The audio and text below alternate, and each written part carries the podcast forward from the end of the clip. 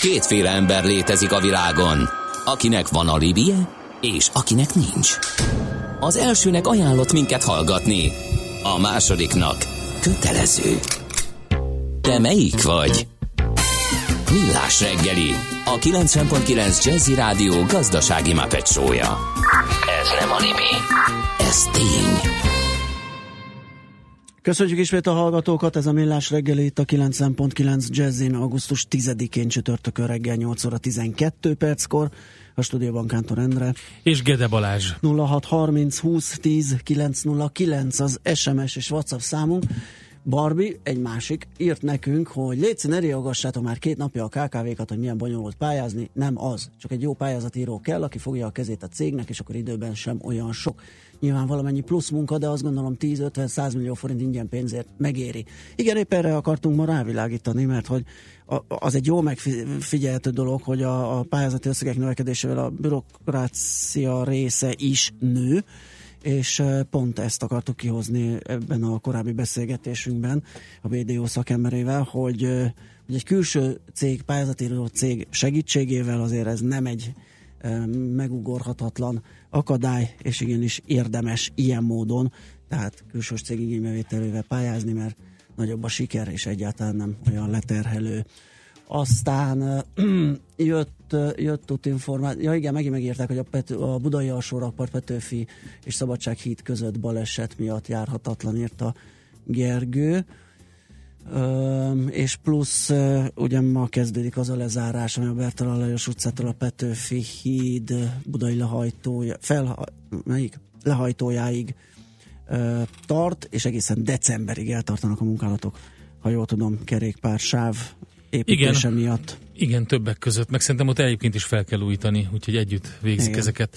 Na jó, ha már közlekedés került szóba, akkor... A műszer neked egy fal, a sebesség egy váltó, a garázs egy szentély. Zavar, ha valaki elbetűvel mondja a rükvercet. Mindent akarsz tudni az autóvilágából? Akkor neked való a millás reggeli autós rovata. Futómű.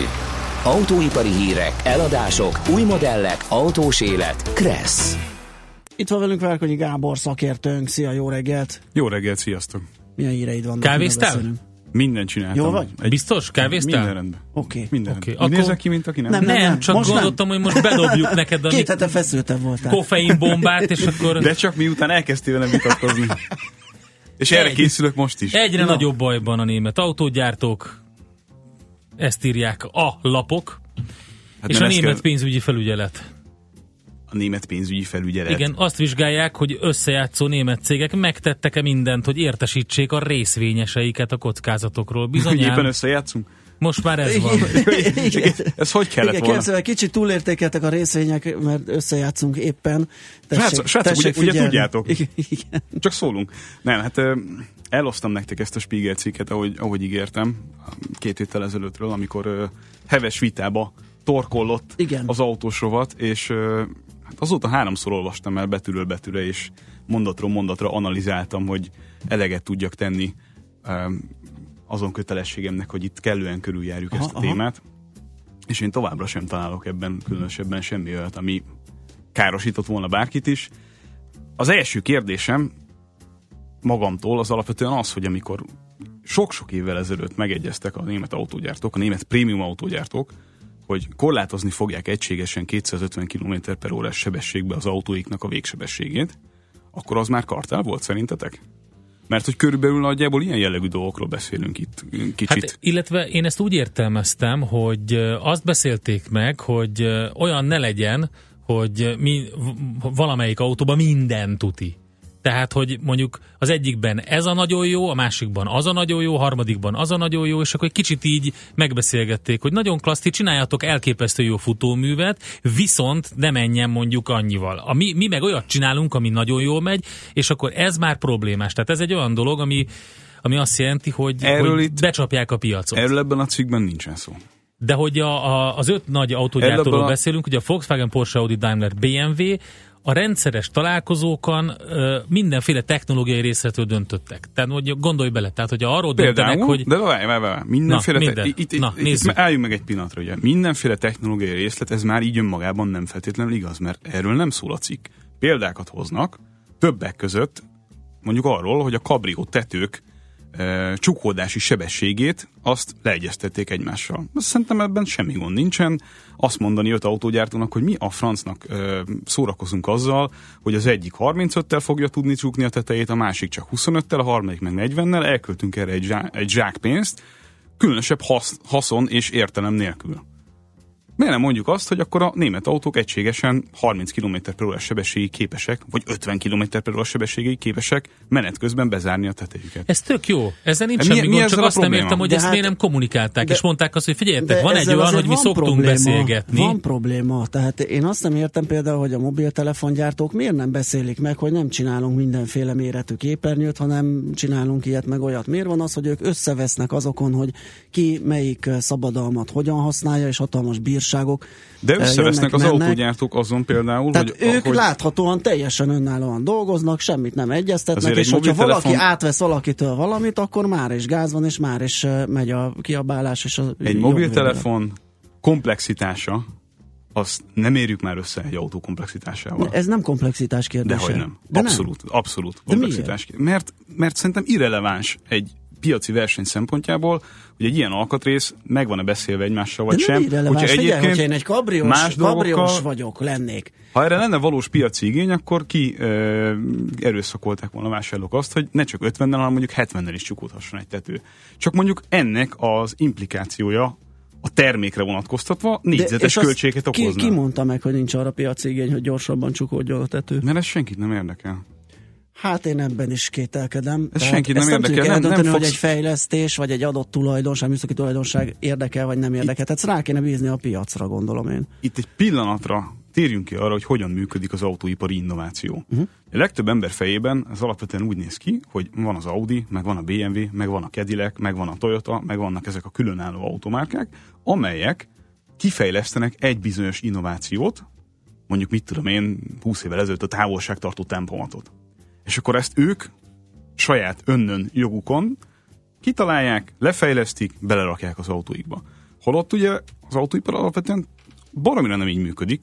Vannak ilyen jellegű beszállítók, amelyek olyan témákat járnak körül, mint például a távolságtartó tempomat. És az, hogy mondjuk egy Audiba vagy egy Lexusba fog hamarabb kerülni ez az adott konkrét extra, ez nagy részt azon múlik, hogy ki hajlandó többet fizetni annak a szolgáltatónak, aki ezt kifejleszti számára. Ki lát abba nagyobb marketing potenciált, meg nagyobb hozzáadott értéket a saját autója számára, hogy kifizeti azt az elsőséget, ami azzal, tehát azt a sok pénzt, ami azzal jár, hogy az elsőség az övé lehet, és utána hirdetheti vele a saját autóját. Ezek a releváns innovációk. Azt szerintem lényegtelen, hogy öt autógyártó megbeszéli egymással, hogy honnan fogja megvásárolni az ablaktörlő motorokat. És ezeket utána együtt vásárolják be, hogy olcsóbb legyen. A te autót szempontjából az téged érdekel, hogy az ablaktörlő motor az ugyanolyan, mint a konkurencia autójában? Figyelj, nem, nem, ez, amiket te mondasz, én ezt értem, hogy ez neked ilyen, ilyen ap, apró cseplő ügyek, csak azt nem értem, hogyha ilyen jellegű együttműködés volt, akkor ezt egy nagyon jó módon, tehát ezek mind um, pénzmegtakarítás, energia megtakarítás, ilyen. Oké, okay, akkor miért nem mondták ezek a nagy autógyártók, főleg a németek, de soha nem tagadták. Srácok, de hát az, hogy nem tagadod, meg nem mondod, az két de, különböző de dolog. Minek kell külön mondani? Hát azt, hogy minek kell külön mondani, hogy figyeljetek, beszélgetünk itt, összeülünk, és különböző technikai dolgokat árulunk el egymásnak azért, hogy javítsuk a ti élményeteket. Így van. Igen, hát ezt, ezt mondani Igen, kéne. Azt kérdezik, szerintem. azt mondja Bringás Zoli, jó reggelt, a mobilgyártóknál szinte az összes a Snapdragon processzorokat használja, akkor ez nem összeegyeztetés? Nem tudjuk. És én pont azért vitatkozom, mert a versenyhivatal feladata ezt kideríteni, hogyha ez piaci alapon használják ők csak kizárólag a Snapdragon processzorokat, mert az olyan rohadt jó, és egész egyszerűen nincs alternatíva, akkor nem összejátszás, összeegyeztetés. Ha azért használják, mert leültek, megbeszéltek, hogy figyelj ide, ennek és ennek a gyártóját ne tegyük be, tegyünk mind, mindbe Snapdragon, mert akkor legalább processzor sebességben, vagy feldolgozásban, vagy akármiben egységesek leszünk. Az már gáz. Igen, csak tudod, nekem itt az a baj, hogy tovább menve sok minden föltűnik, ami nem annyira szimpatikus. Például az, hogy uh, itt a dízel um, emissziók kapcsán uh-huh. Úgy volt beállítva ez az egész kérdés, hogy azért volt rosszabb a hatásfoka az Euro 6-os autóknak, az AdBlue-val használatos Euro 6-os autóknak, mert ugye kisebb tartályokban egyeztek meg egymással az autógyártók. Holott ez hülyeség. Tehát, hogy azért hülyeség, egész konkrétan, múlt héten leginkább ezen, ezen ment a történet. Hát mert én a műszaki részen nem nagyon tudok, és azt ragadtam ki, hogy ahogy Igen, csak ez, ez fontos megérteni, hogy itt, itt ugye úgy lett ez tálalva, mint hogyha egymással megbeszéltük volna, hogy fú, de jó lesz, hogyha 8 liter lesz, és nem 17 liter lesz az AdBlue tartály, mert akkor majd, majd jól le fog állni a kipufogógáz kezelés, és egyébként teszünk rá, hogy mi van a környezettel. Az AdBlue egy Euro 6-os autóban úgy működik, hogy ha kifogy, akkor az autót nem lehet beindítani. Pont. Nem lesz ettől rosszabb a környezetnek. Maximum neked, mint felhasználónak lesz kellemetlen az, hogy mondjuk két olajcsere intervallum között rá kell töltened az AdBlue tartályra. De hát már ez is probléma. Igen. Én akkor szeretnék egy nagyobb AdBlue tartályos És ezt ki is autót. harcolta magának a piac, hiszen a, a hírekkel ellentétben nem úgy működik a német autóipar, hogy mindenkinek 8 literes AdBlue tartálya van. Az, az valószínűleg úgy volt, ahogy a cikkben leírták, és ez eléggé tetten érhető, és ez biztosan nem korrekt magatartás, hogy ott, ahol törvényi szempontból inkább kikényszerítették a nagyobb tartályt az Egyesült Államokban, mert ott a törvényi előírás szerint legalább 16 ezer kilométert kellett megtennie egy autónak rátöltés nélkül a legújabb emissziós normák szerint, ott nagyobb tartályokat használtak. Az EU-ban, ahol ez nem volt kikényszerítve, ott meg kisebb tartályokat használtak. Zotya azt Ez- írja, ja igen, bocsánat. E, bocsánat, csak annyi, ez tartályonként 20 eurót jelentett a cikk szerint megtakarításban. Ez egy helyes összegnek tűnik egy Nem 40-50 ezer eurós autónál, 20 euró egy alkatrészen megspórolva, Igen, az, az dimenzió brutál. különbség Igen, az igen, de, autóiparban. de, de, de brutális. ebből állítólag zsákszám volt ilyen típusú egyeztetés, ami hol 20 hol 30 Ez hol, biztos. hol valamennyit hozott. Zotya a- azt írja, hogy engem zavarna, ha a Mitsubishi-ben Renault alkatrész lenne. Tehát itt van megint ugye egy olyan, ez, ez egy, ez egy, ez egy De piaci srácok- igény, és az autógyártó meg eldönti, hogy az lesz, akkor már is nem stimmel az Nem egész. tudom, milyen mitsubishi van Zotjának, de hogyha karizmája van például, akkor az a rossz hírem, hogy Renault váltó van benne. Tehát, hogy erre ezt tudom mondani, az autóipar nem így működik, hogy van egy Mitsubishi, és akkor az 100% Mitsubishi. Ma meg már végképp nem így Egy működik. másik hallgató azt írja, hogy az, hogy közösen kiválasztva egy gyártót használva például ablaktörlőre, az teljesen szembe megy az ipari innováción alapuló versennyel, ergo nem lesz iparági fejlődés. Igen. Ez, ez is szerintem is így néz ki. Figyeljetek, Szerintem szerintem... vagy, a- akkor, vagy akkor nézzük a másik irányból, azért lesz iparági fejlődés, mert nem ilyen hülyeségekre költik el a fennálló erőforrásokat, hanem mondjuk másra tudják fordítani. Mm. Azért egy vállalattól ezt ne várjuk. én azt gondolom, hogy várjuk Megsporoltuk meg. itt, és akkor Nézzük, ezt jó hát dehogy nem, hát nem lehet más, hogy nézzük meg, hogy az elmúlt 20 évben milyen innovációk voltak az autóiparban. Hol, tartottunk, hol tartunk most mondjuk 97-hez képest? Mennyi mindent ért el az autóipar? Önvezető autókról beszélgetünk. Olyan akkumulátorokról beszélgetünk, átlag autókban, hogyha az elektromos autót nézzük, hogy a következő, következő generációk valószínűleg tényleg fognak tudni 4-500 kilométert. Ezeket nem tegnap előtt kezdték el fejleszteni. Azt mondja, hogy nem karizmám van, de ha az lenne, azonnal eladnák. Most, hogy megtudtam. Most, hogy megtudta, Én azt így van. gondolom, hogy ez, ez a sztorinak az eleje. Van egy csomó aspektus, ami érdekes. Viszont az, nincs hogy vége. Még nincs vége, pontosan. Igen. Tehát meg kell várni, hogy mi derül ki, mit mondanak az autógyártók, hogy miben egyeztettek, és amikor majd derülnek ki ezek a dolgok, akkor el tudjuk dönteni, hogy mennyire volt korrekt vagy nem korrekt a piacra való tekintetben. Ez az egész. Szerintem nem szerencsés, hogy nem jó, kommunikálták, ha ez egy ilyen, Igen. egy ilyen alapvetően jó dolog. De Lehet, hogy ez a- volt a hiba. Én azt sem mondom, hogy ez alapvetően jó dolog. Ne, ne értsetek félre, én nem a német autógyártókat védem. Én annyit mondok, Pedig úgy hogy, tűnik. hogy az, Gedének biztos, A látszat.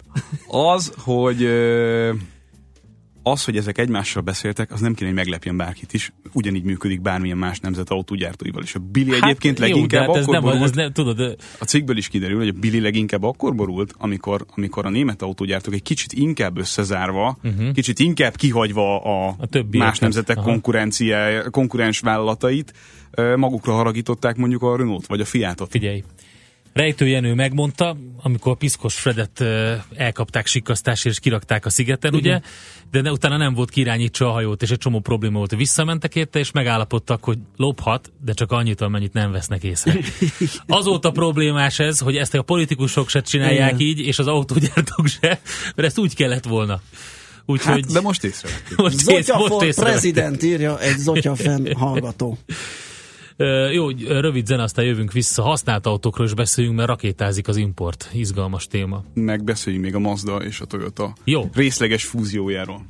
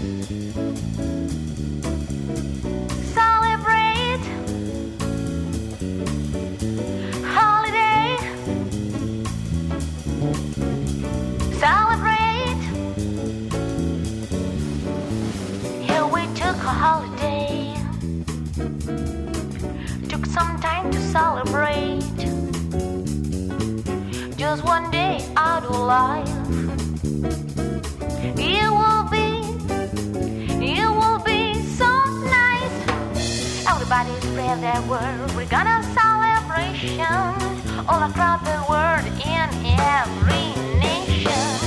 It's time for the good time, forget about the bad times. One day to come together to the your holiday.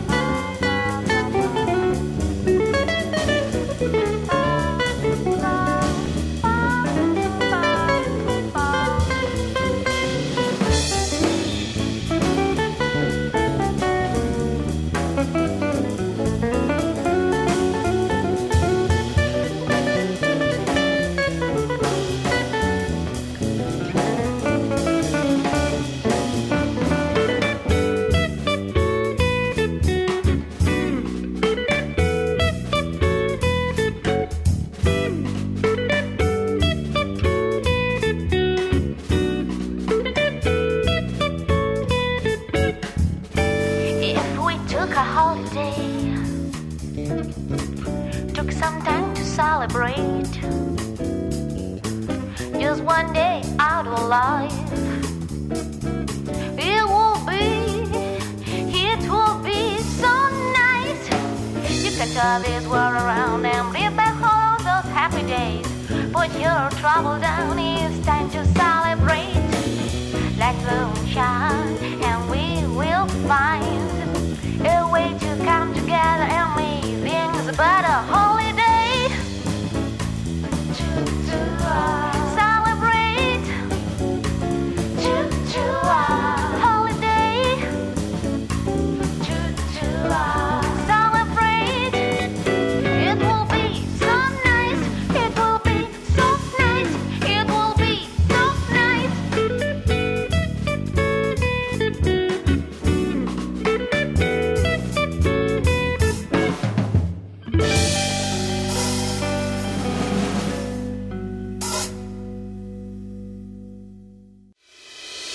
Hírek a 90.9 Jazzin Toller Andreától. Sokkal drágább lett az építkezés, mint amire számítottak.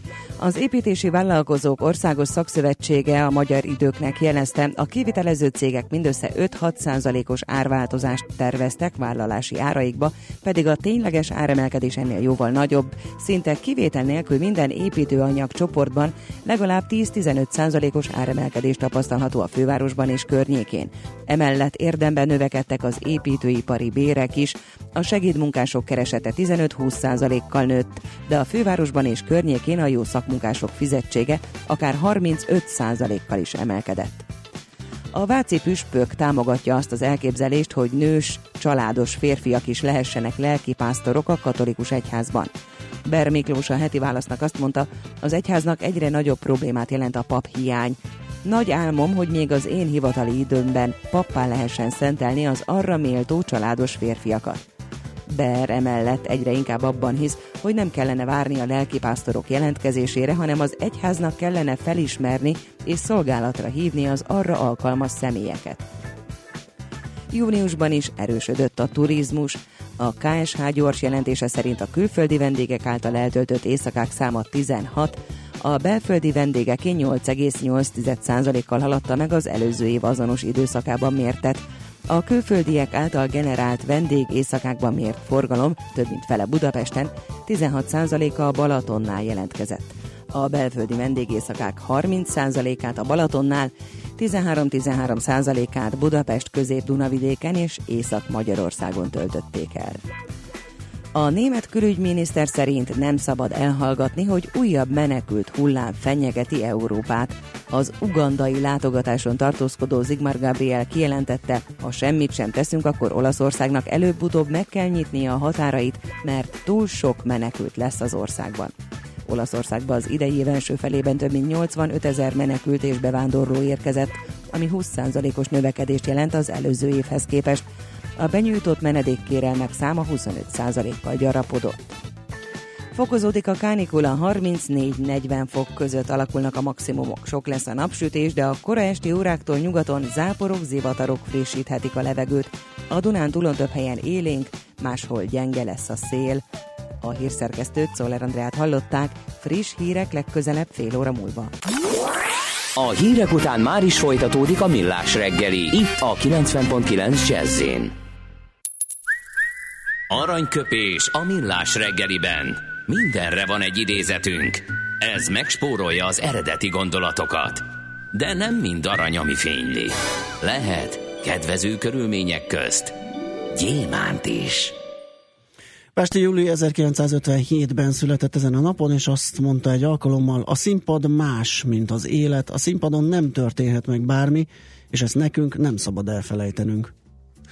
Igen, néha jó lenne, ha lenne egy, Ja. egy, le, lenne egy normális rendező, Igen. aki el elmondja, hogy mit szabad, mit nem, mit nem szabad.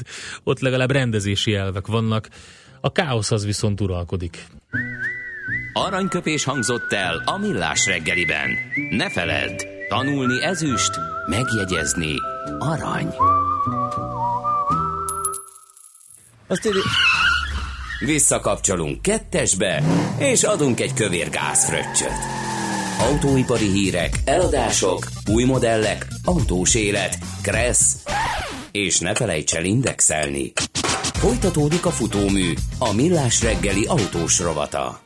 Azt írja, amíg srácok, marha jó, hogy minden második mondatotok az, hogy én nem értek hozzá, de akkor ne okoskodjatok, hadd mondja el Várkonyi úr, amit gondol. Kedves amígó, én ahhoz tettem hozzá, én magam tettem hozzá, hogy nem értek hozzá, az autós műszaki dolgokhoz nem értek. Ezért van szakértőnk Várkonyi Gábor szemébe. Én a gazdasági oldalát feszegetem, ahhoz valamennyit kapizsgálok, az autós műszakihoz nem. Tehát ezért van itt egy ilyen egy ilyen kis vita. Gábor ugye műszaki oldalról közelít, én próbálok gazdasági versenyjogi oldalról, és így alakul ki Még egy csak, ilyen még jó csak azt kis sem mondanám, hogy műszaki oldalon, inkább csak iparági Inkább távlatokból. iparági. Igen, igen, igen. De igen. ahogy, ahogy látom, nem mindenkinek tetszik a hallgatók közül. Hát, meg, Hiszen meg, ez, Igen. meg megosztott dolog. én is ma alul múlom önmagam. Azt Hát ilyen, te is kaptál, na majd mindenki ki lett osztva. Hogy de- csinálod? Nem, nem, nem néztem utána rendesen, azt írja a hallgató, de nem tudom minek, hiszen jó. pontról pontra végigvettük a cikket. Amiről két hete vitatkoztunk kelesen. igen, és ami a kérdés is hallgató, hogy kiméljünk, nehogy aztán nagyvérzést kapjál, mert mit Nem, fognak nem, hallgatni csütörtökönként. Nem, Most rá. kiméljük a Gábort, ijesztő számok írja az Origó, a roncsautók lerakatává válik Magyarország, így sikerült adaptálni azt a hírt, hogy újra gyorsuló ütembe bővül a külföldről behozott használt autók száma, méghozzá rakétázik. Az elmúlt három hónapban 40.800-ra ugrott az importált személyautók mennyisége. Ami És, egyébként nagyon sok. Ez három hónap alatt. 6,3%-kal magasabb egyébként a tavalyi időszaknál, tehát nagyon nagy ugrás van. Hát csak, hogy valami kontextusba helyezzük ezt a számot. A, a válság utáni időszakokban két-három éven keresztül ennyi autót újonnan nem adtak el egy Mhm. év alatt Magyarországon. És itt most három hónapi importról beszélünk.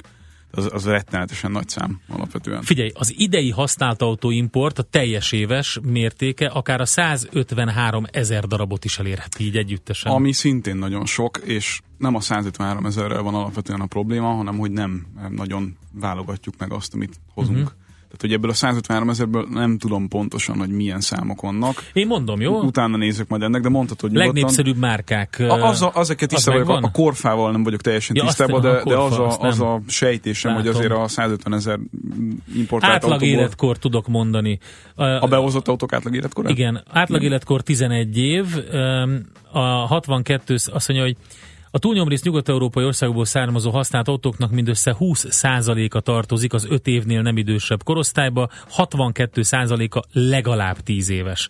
Az átlag életkor 11 év, vagyis érdemben nem fiatalítják az átlagosan 14 éves hazai személyautó állományt. Igen, ez, ez szomorú. De hát ezt tudjuk megfizetni általában. Igen, nyilván ez az oka. Hát meg, meg az, hogy ugye sokan nyilván nem akarnak lemondani egy bizonyos kényelemről, vagy nem akarnak lemondani egy bizonyos szintű autóról.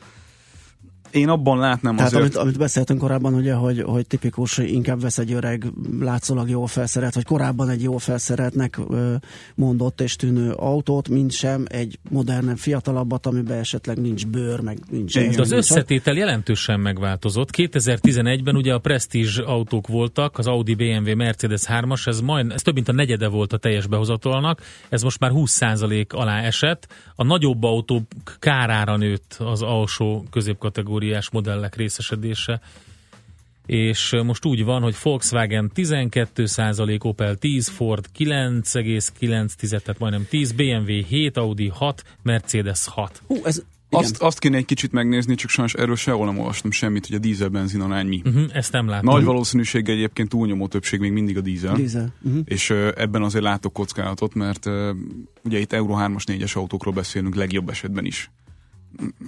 Van, hogy ennél rosszabbakról, és az mondjuk semmiképpen nem segít a magyar Igen. ö, autós minőségen, meg levegő minőségen, hogyha ilyen öreg dízeleket hozogatunk be. Figyelj, itt egy nagyon jó kérdés, nem tudom, mit tudunk erről. Használt autókhoz miért engedik forgalomba állni a behozott jobb kormányos autókat? Mindenhol forgalomba engedik ö, helyezni a jobb, jobb kormányos De autókat. nem volt idő, hogy nem.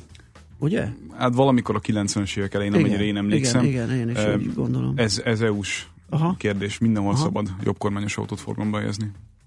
És ugye ennek van keletje itthon, mert főleg Van, azok, akik, több, látszik, hogy... hát, akik Angliában dolgoznak, ugye fillérekkel Így lehet van, kint autót van. venni. Tehát a mai nem csak magyar, hanem átlag európai használt autó árakhoz képest mondjuk 8 évesen már fillérekkel veszel kint egy autót.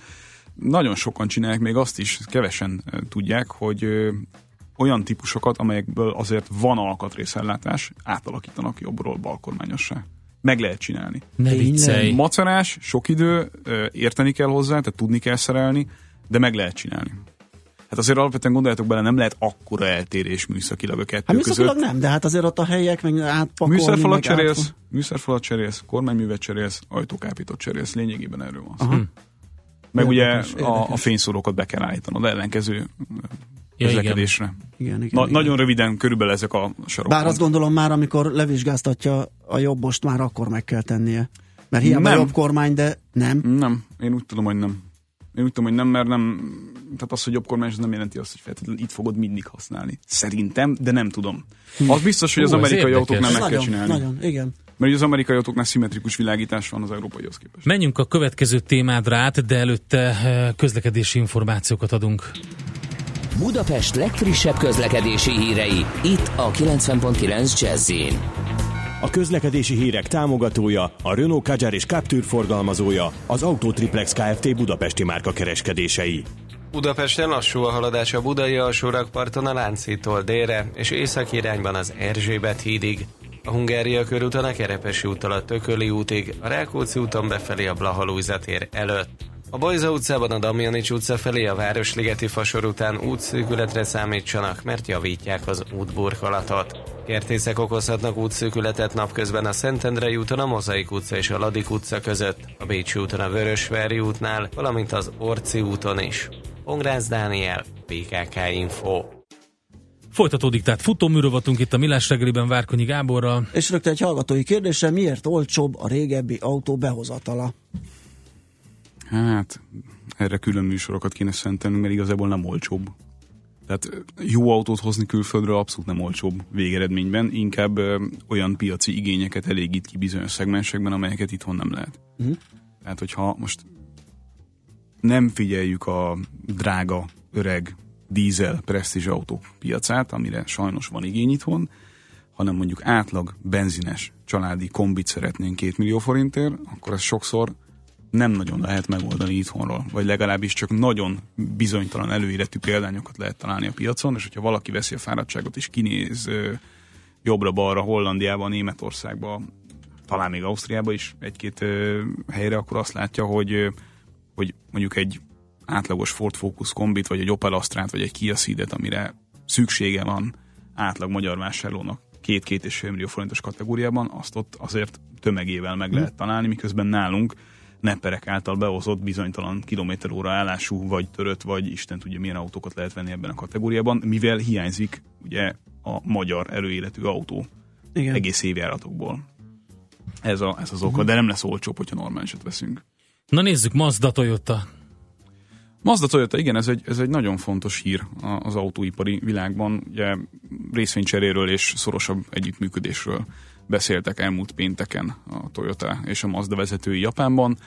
Ez szerintem az első lépés egy, egy hosszabb távú és jobban összenövő együttműködés kapcsán a Toyota és a Mazda között ezzel folytatódik, illetve szerintem gyorsuló ütemet vesz a japán autóipar koncentrációja. A Mazda és a Toyota szempontjából szerintem örömteli hír, hogy egymásra találtak. Reméljük, hogy a Mazda fogja befolyásolni a Toyota motor, modellpalettáját, és nem fordítva. Ö, hogy a Toyota befolyásolja a Mazda modellpalettáját? Nem, hogy remélem, hogy a Mazda inspirálja majd a Toyota Értem, csak modellpalettáját. azért kérdeztem így vissza, Igen? mert kettő hallgatónk is megírta külön egymástól, Igen? hogy szeretné tudni, miért nincs a Mazdának hibrid változata, és hogy beszéljünk erről, ezt írta ö, Csaba is és ö, Gabi is.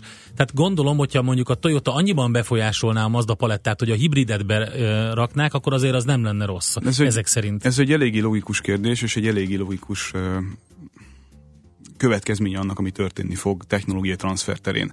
Mazda az egy pici, most már jó pár éve független autógyártó Japán kézben. Nem rendelkeznek akkor erőforrásokkal, hogy a jövőbeli kihívások mindegyikére önálló választ adjanak. Ahhoz túlzottan picik.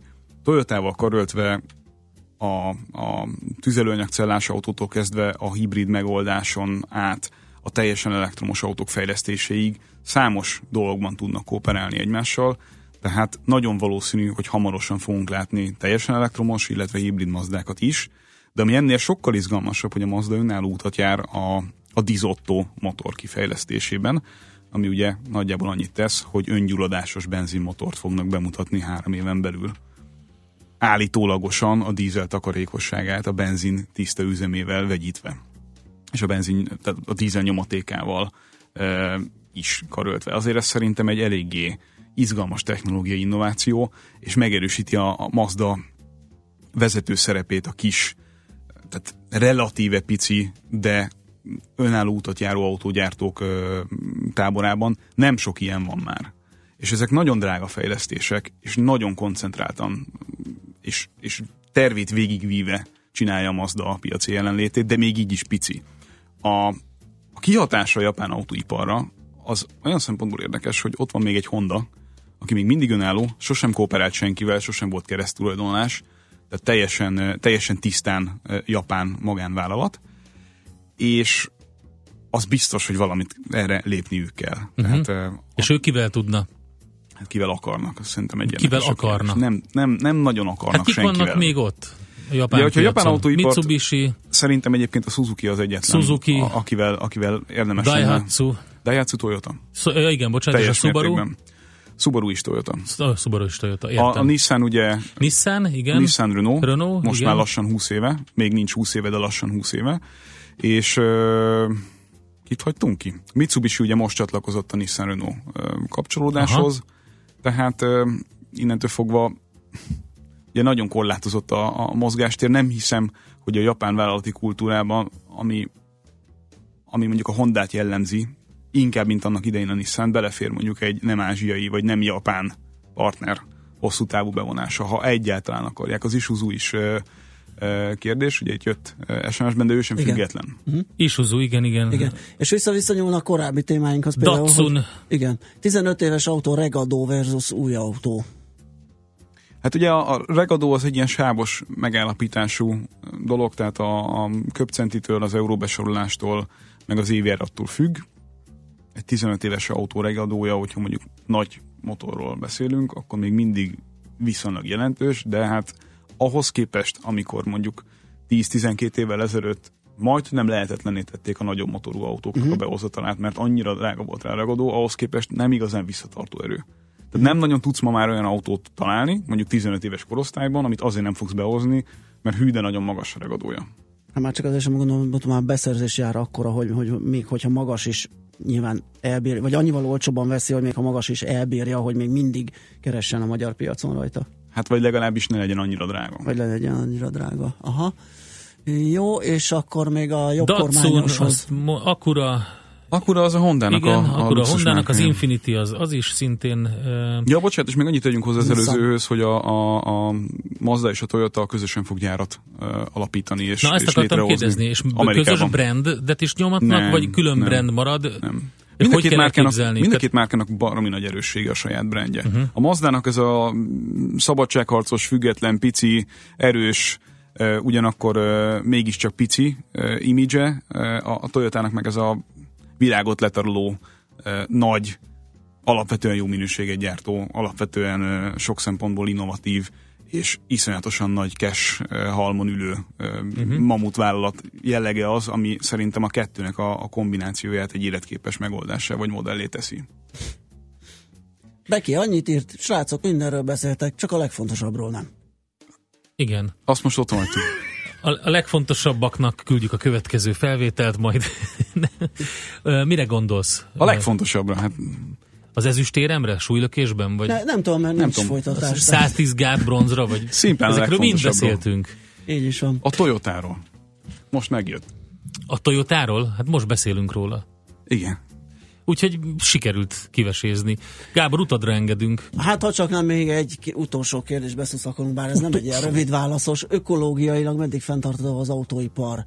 Gyártás, használat, Várj, hogy stb. Gábor egy percben válaszol. egy percben válaszol egy... Most. Mostantól indul. 60 másodperc. Nem tudom, hogy ökológiailag meddig fenntartható. Meddig fenntartható ökológiailag a teherhajózás és a repülés. Fú, Szerintem igen. már nem fenntartható, hiszen ugye mindig előrébb jön a túlfogyasztás napja. Persze. Gyakorlatilag itt vagy nagyon nagy probléma. Kérem szépen a Trump adminisztrációban gyakorlatilag kiírtják a klímaváltozás nevű szót. Most kért meg mindenkit a mezőgazdasági minisztérium, Igen. hogy ezt ne használják.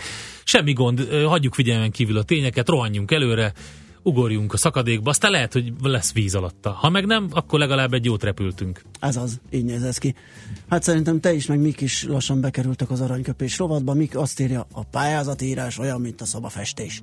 Mindenki meg tudja csinálni, de gyorsabb, és a minőség is jobb, ha profira bízzuk.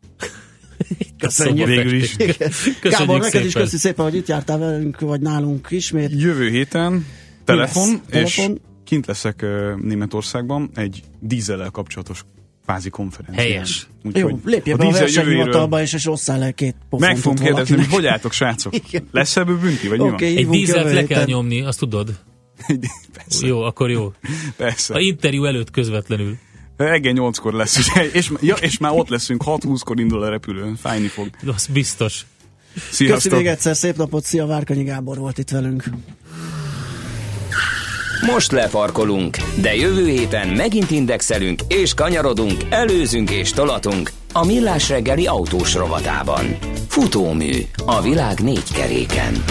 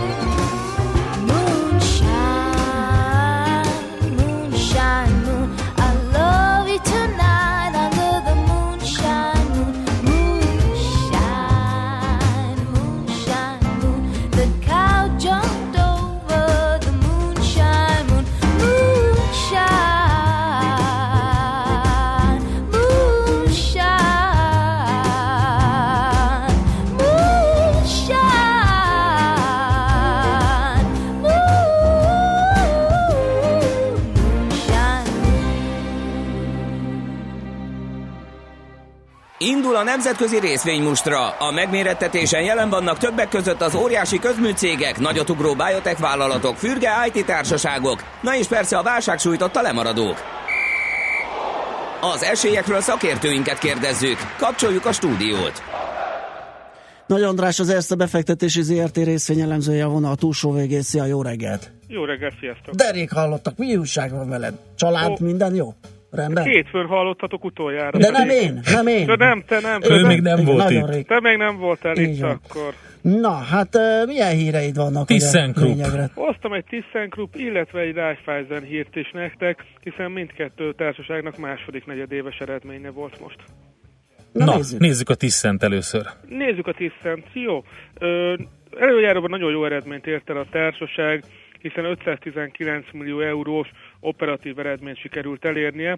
Ez egyébként 30%-kal jobb, mint a tavalyi éves eredmény, és az elemzőket is sikerült meglepni ezzel a társaságnak, hiszen ők körülbelül egy ilyen 17-18 millió euróval ö, kevesebb eredményt ö, vártak. Ugye, hogy mi okozta ezt a 30 közel 30%-os eredmény növekedést, Hát a legfőbb tényező az az acéláraknak az emelkedése, ugyanis Kínában négy éves csúcsra emelkedtek az acélárak, kettő tényezőre vezethető ez vissza. Egyrészt arra, hogy nagyon megugrott Kínában a kereslet, illetve hát globálisan is megugrott a kereslet az acélipari termékek iránt, ugye a gazdasági fellendüléssel párhuzamosan. Másrészt pedig Kínában elkezdték egy nagyon ö, nagyszabású reformprogram keretében csökkenteni az acéltermelést. Ugye az acéltermelés Kínában, mivel egy nagyon munkaigényes ö, iparágról beszélünk, ezért viszonylag nagy, támog, nagy állami támogatást élvezett, és ezeket a támogatásokat elkezdték visszaépíteni, ennek hatására csökkentek a túlkapacitások, és ugye ez azt eredményezte, hogy a növekvő kereslet mellett felhajtotta az árakat. Ugye ebben nem csak a kínai vállalatok tudtak profitálni, hanem globálisan az összes többi ö, acéllal foglalkozó vállalat is. Igen, és Trump elnök is megnyugodhat talán, ugye? Aki... És, és így van, és Trump elnök is megnyugodhat, hogy nem fogja az Igen. olcsó kínai döpping elárasztani az Egyesült Államokat. Valahogy ettől függetlenül Trump azért folyamatosan előtérbe kerül, hogy az acélnál kimondottan az amerikai termékeket szeretné valamilyen vámokkal például támogatni. Ez egyébként jó is lenne a ThyssenKruppnak, hiszen a ThyssenKruppnak van amerikai termelő egysége, ugye a Steel America, uh-huh. és hogyha kapnak egyfajta ilyen piacvédelmet vámokon keresztül, akkor az nekik kimondottan jó, hiszen az ottani vállalatuk még nyereségesebben ö, tudna majd ö, működni. És egyébként még itt az acél áraknak az emelkedése azt is eredményezte, hogy Kína sokkal kevesebbet exportált, hiszen hogyha otthon is el tudják jó áron adni a termékeket, akkor minek hajózzák át a félvilágot velük. Ugye ebből is profitált a ThyssenKrupp, illetve az ArcelorMittal is, hogy a belső saját hazai piacaikon kisebb versennyel ö, szembesültek.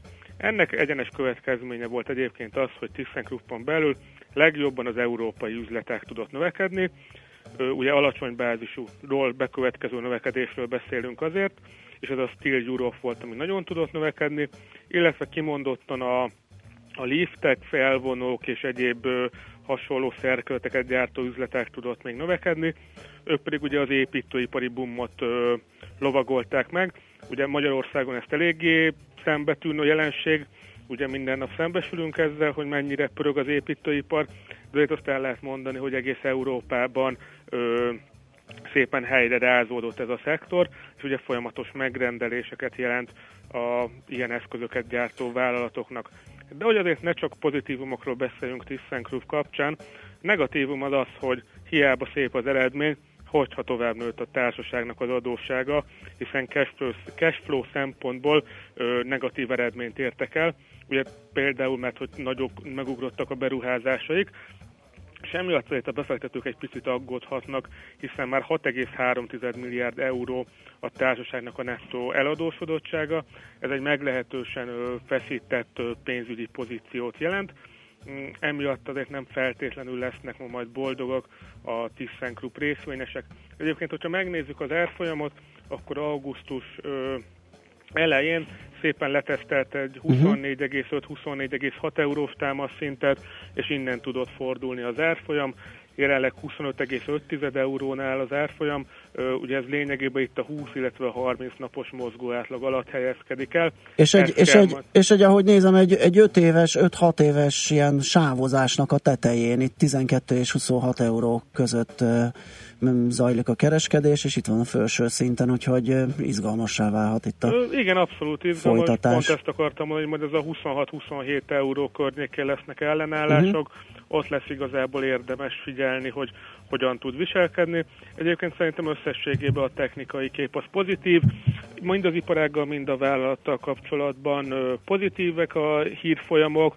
Szerintem, hogyha itt a részvénypiacon ez a mostani Észak-Korea miatti feszültség enyhülne, akkor majd érdemes lesz figyelni ThyssenKruppnál az esetleges beszállási lehetőségeket. Figyelni fogjuk. Mi újság a Raiffeisennel?